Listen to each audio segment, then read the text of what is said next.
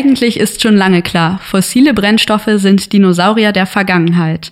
Aber seit dem russischen Angriffskrieg auf die Ukraine ist gerade Gas wieder heiß begehrt. Es gibt neue Projekte und Investitionen, statt in Europa endlich aus Gas auszusteigen. Darüber spreche ich heute mit Neke Wagner von PowerShift. Dazu hören wir auch den senegalesischen Umweltaktivisten Sheikh Fadel Wad und Neville van Roy, der sich von Südafrika aus für eine gerechte Energiewende ohne Gas einsetzt.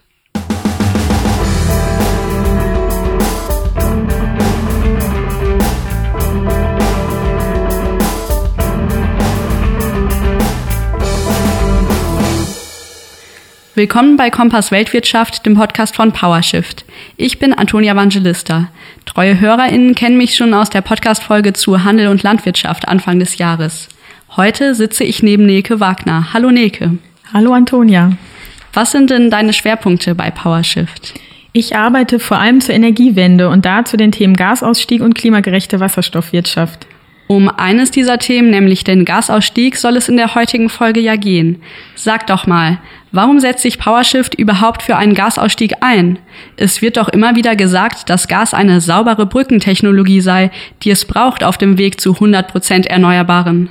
Ja, das wird vor allem von der Gasindustrie gesagt. Aber das ist ein Mythos. Natürlich, wer in einem Einfamilienhaus wohnt und die Ölheizung durch eine Gasheizung ersetzt, die oder der freut sich, dass es da jetzt nicht mehr nach Erdöl stinkt und der Öltank weg ist. Und wenn man ausschließlich die CO2-Bilanz bei der Verbrennung betrachtet, dann emittiert Erdgas pro Kilo Kilowattstunde gewonnener Energie 40 Prozent weniger Kohlendioxid als Kohle und 20 Prozent weniger als Öl. Aber nur weil andere fossile Energieträger noch dreckiger sind, ist Erdgas noch lange nicht sauber. Kannst du genauer erklären, warum das so ist? Konkret gibt es drei wichtige Gründe, warum sauberes Gas eine Lüge ist. Erstens entsteht bei der Verbrennung von Erdgas Kohlendioxid, das ist das bekannteste Treibhausgas. 173 Millionen Tonnen waren das 2022 allein in Deutschland. Zweitens ist Methan, der Hauptbestandteil von Erdgas, selbst ein starkes Treibhausgas. Es ist um ein Vielfaches klimaschädlicher als Kohlendioxid. Und auf dem Weg von der Förderung bis zur Verbrennung von Erdgas entweicht immer Methan in die Atmosphäre. Das sind die sogenannten Vorkettenemissionen. Die können je nach Fördertechnologie, Transportmittel und Entfernung unterschiedlich hoch sein. Den Gesamtwert der Methanemissionen, die aufgrund der Aktivitäten der Öl- und Gasindustrie in die Atmosphäre entweichen, gibt die internationale Energiebehörde IEA für 2022 mit 82,3 Millionen Tonnen an. Das meiste davon könnte man sogar recht günstig vermeiden, aber bisher haben die Unternehmen kaum Vorschriften dazu und müssen diese Vorkettenemissionen nicht mal ordentlich messen. Und drittens gibt es neben den desaströsen Anheizen der Klimakrise noch zahlreiche Umweltprobleme, wenn Gas gefördert wird. Besonders Fracking gefährdet Grundwasserreservoirs, erzeugt große Mengen giftiger Blorschwämme, kann Erdbeben verursachen. Aber auch bereits normales Gas fördern kann Erdbeben und kaputte Gebäude zur Folge haben. Weswegen zum Beispiel die Niederlande ihre Gasförderung im Feld Groningen jetzt einstellen. Außerdem kommen mit dem Gas auch weitere giftige Stoffe an die Oberfläche, die in die Umwelt gelangen können. Zum Beispiel die sogenannten polyzyklischen aromatischen Kohlenwasserstoffe, die Krebs verursachen können. Das klingt echt ungut. Welche Folgen die Gasförderung auf Umwelt und auch auf die Menschen im Senegal haben, dazu hören wir später noch mehr. Davor aber die Frage an dich, Neke. Ist Gasförderung in Europa überhaupt noch ein aktuelles Thema, was die politische Ebene angeht?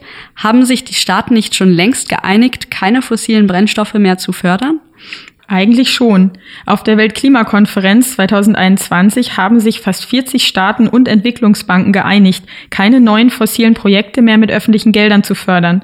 Alle westlichen G7-Staaten haben unterschrieben, also auch Deutschland und die Europäische Investitionsbank. Diese Vereinbarung heißt, weil sie auf der dortigen Weltklimakonferenz getroffen wurde, Glasgow Statement. Das klingt doch ganz gut. Naja, an die Erklärung ist noch ein Halbsatz drangehängt, außer unter bestimmten Umständen, die mit den Pariser Klimazielen und dem anderthalb Grad Ziel vereinbar sind. Dabei ist es natürlich schwer abzuschätzen, inwieweit ein ganz bestimmtes fossiles Projekt jetzt genau die Investition ist, die das anderthalb Grad Limit reißt. Damit kann man sich prima rausreden und genau das passiert jetzt auch.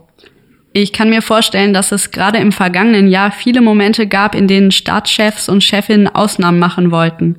Weil ja die europäischen Staaten seit dem russischen Angriffskrieg auf die Ukraine kaum mehr Zugang zum russischen Gas haben. Oder Neke, was ist deine Beobachtung? Wie hat das den Blick auf die Gasförderung verändert? Ja, tatsächlich wurde der Ausnahmezustand teilweise als Vorwand genommen, um noch mehr fossile Brennstoffe zu fördern. Das beste Beispiel ist Norwegen, das sich als Retter in der Not inszeniert und seine Gasimporte zu den europäischen Nachbarn auf ein Rekordhoch gesteigert hat. Die Regierung hat gerade 19 neue Öl- und Gasprojekte bewilligt und das als Beitrag zur europäischen Energiesicherheit deklariert.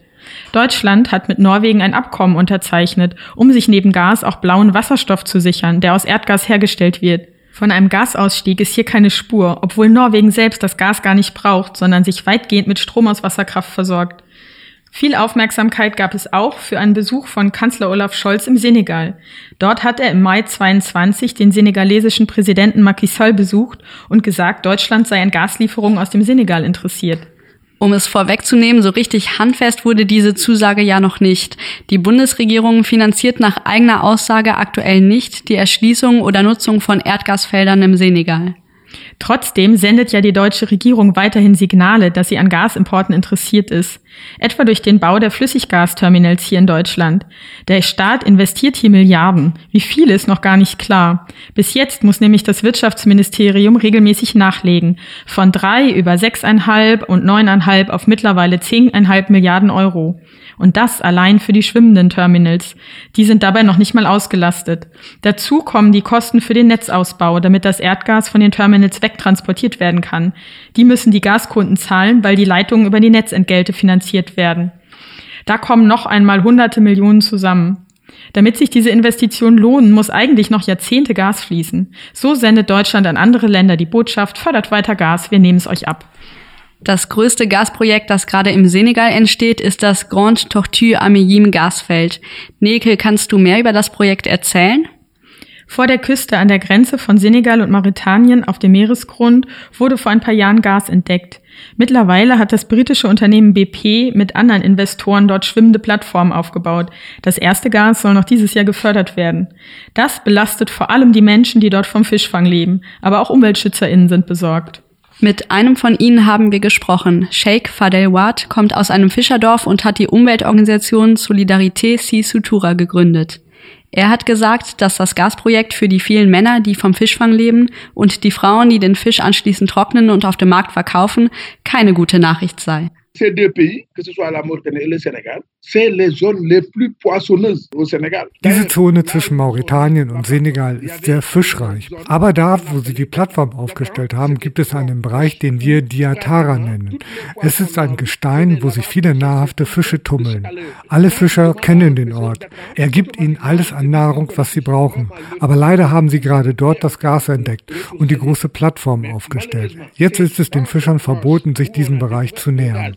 Maintenant, ils ont mis une grande plateforme et c'est interdit aux pêcheurs de rôder à 500 mètres de la Ward hat auch gesagt, dass es für die Menschen an der Küste noch schwerer wird, Geld zu verdienen und sich zu ernähren. Außerdem könnten die Gasrohre auch brüchig werden oder explodieren. Es wäre kaum vorstellbar, welche Schäden das Meer dann davontragen würde. Tatsächlich ist die Umweltverträglichkeit des Grand Tortue Ameyim-Projekts mehr als fraglich. Die Pipeline von den Bohrlöchern zur Küste soll durch das fischreiche Korallenriff führen, von dem Sheikh Fadel Wad gerade gesprochen hat. Die Menschen fischen dort seit Jahrhunderten. Es ist das größte Kaltwasser-Korallenriff der Welt und es ist ziemlich klar, dass es der Biodiversität und den Fischern in der Region enorm schaden wird, wenn jetzt eine Pipeline durch dieses Riff gebaut wird. Gibt es da keine Vorgaben, um solche Ökosysteme zu schützen? Ja, es gab eine Umweltverträglichkeitsprüfung, die BP selbst vorgelegt hat, und sie war so schlampig gearbeitet, dass das ein echter Skandal war. Sandra Kloff, sie arbeitet beim CNEE, der Netherlands Commission for Environmental Evaluation, hat Teile davon sogar als schlichten Nonsens bezeichnet. Das Institut war vom senegalesischen Umweltministerium damit beauftragt, die von BP vorgelegte Prüfung zu untersuchen.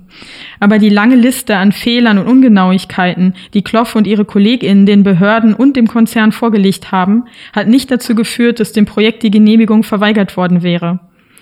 Abgesehen davon, dass das Grand Tortue Amehim Projekt die Klimakrise weiter verschärfen wird, gibt es also auch ganz konkrete Umweltprobleme, unter denen vor allem die Menschen vor Ort leiden werden.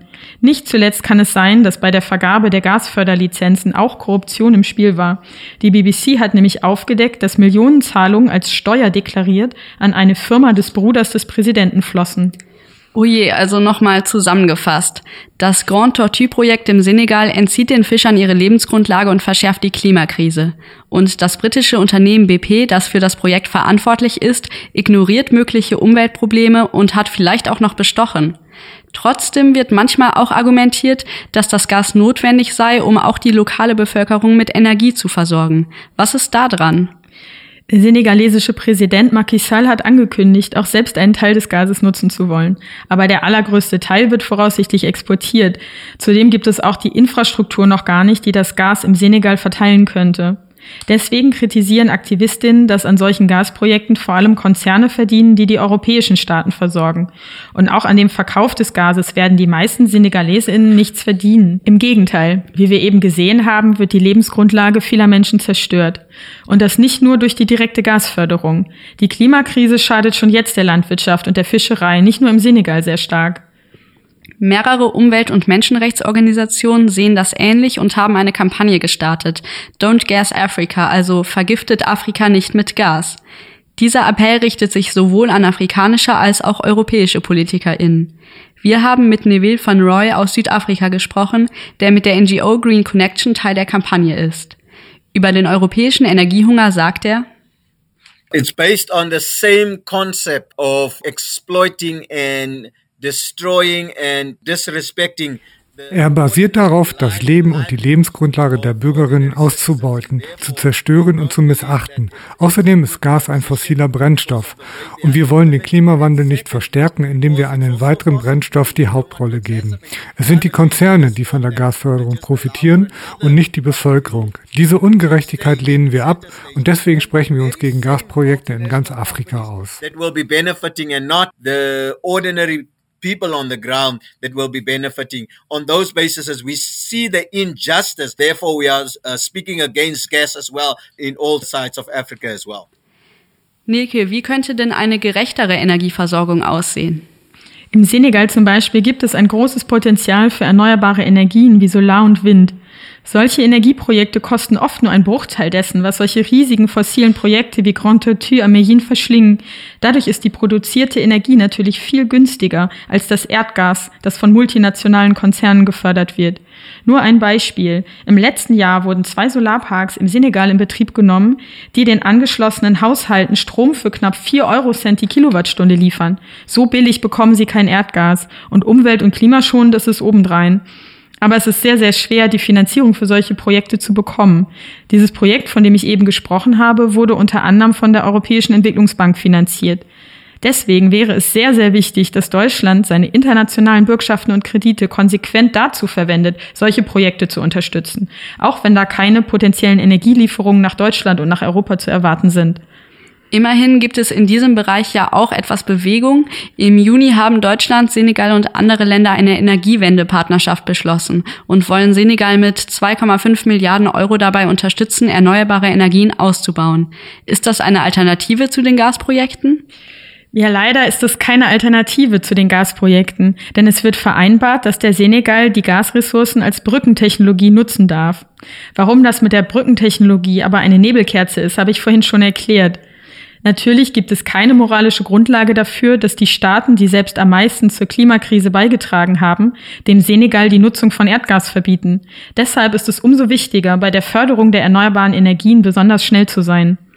Kannst du erklären, warum die Energiewendepartnerschaft hier nicht ehrgeizig genug ist? Der Senegal versorgt sich aktuell schon zu 30 Prozent mit Energie aus erneuerbaren Quellen. Und die Partnerschaft möchte den Anteil auf 40 Prozent erhöhen. Das ist jetzt nicht besonders ambitioniert. Der Senegal könnte hier viel schneller sein. Das beklagen im Übrigen auch die AktivistInnen der deutsch-senegalesischen Allianz für Klimagerechtigkeit in Reaktion auf die Partnerschaft. Sie sagen auch, dass es widersprüchlich sei, erneuerbare Energien zu loben und sich trotzdem weiterhin für Gas und andere fossile Brennstoffe zu interessieren. Gerade im ländlichen Raum müssen viele Menschen überhaupt erst Zugang zu Strom bekommen. Und das geht am besten und schnellsten mit erneuerbaren Energien. Außerdem könnte die Partnerschaft viel weitergehen. An mehreren Stellen wird mit Arbeitsplätzen und gerechter Entwicklung argumentiert. Warum geht man hier nicht einen Schritt weiter und sagt Bürgschaften und Finanzierungen zum Beispiel für Solarmodulfabriken zu? So würde man wirklich zukunftsfähige Arbeitsplätze schaffen. Zurück auf europäischen Boden. Wir haben jetzt nochmal gehört, warum die Gasförderung ungerecht ist, Lebensgrundlagen zerstört, zum Beispiel im Senegal, und ohnehin nicht vereinbar ist mit dem Kampf gegen die Klimakrise. Da bleibt als Konsequenz ja nur noch der Ausstieg aus dem Gas. Neke, gibt es denn schon konkretere Ideen, wie dieser Gasausstieg funktionieren kann? Can Europe zum Beispiel hat mit PowerShift und vielen anderen Organisationen einen Zehn-Punkte-Plan aufgestellt, wie die EU bis 2035 die Nutzung von Erdgas beenden kann. Und was sind die wichtigsten Vorschläge in diesem Plan? Ich werde drei davon mal herausnehmen. Der erste und wichtigste Punkt heißt Energiesparen. Dass das funktioniert, hat schon die Reaktion auf die Gaskrise wegen des russischen Angriffskriegs gezeigt. In Deutschland und in der EU haben Haushalte, Gewerbe und Industrie fast ein Fünftel weniger Gas verbraucht als im Vorjahreszeitraum. Das war sogar mehr Einsparung, als sie sich vorgenommen hatten. Auf diesen Erfolgen muss man aufbauen.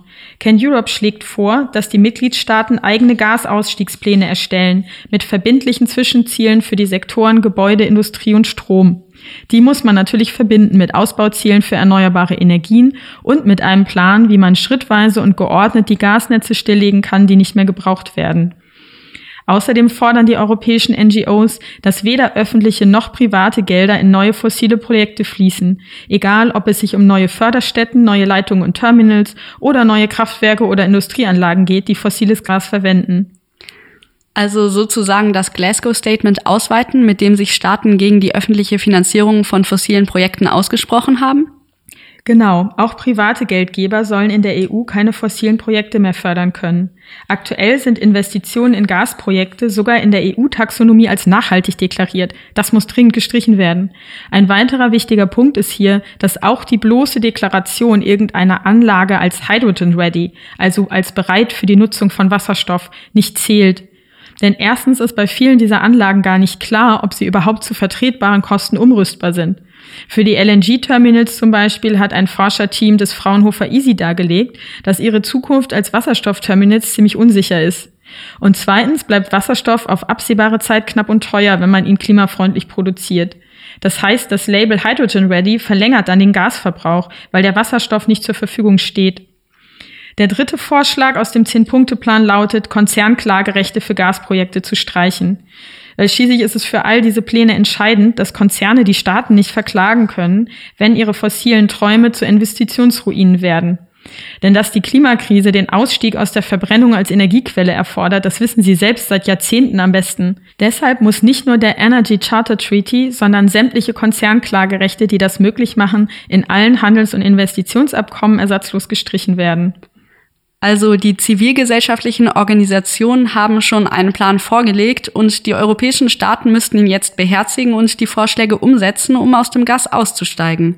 Und warum das für Klima, Umwelt und Menschen die einzige Option sein sollte, darüber haben wir in dieser Folge gesprochen.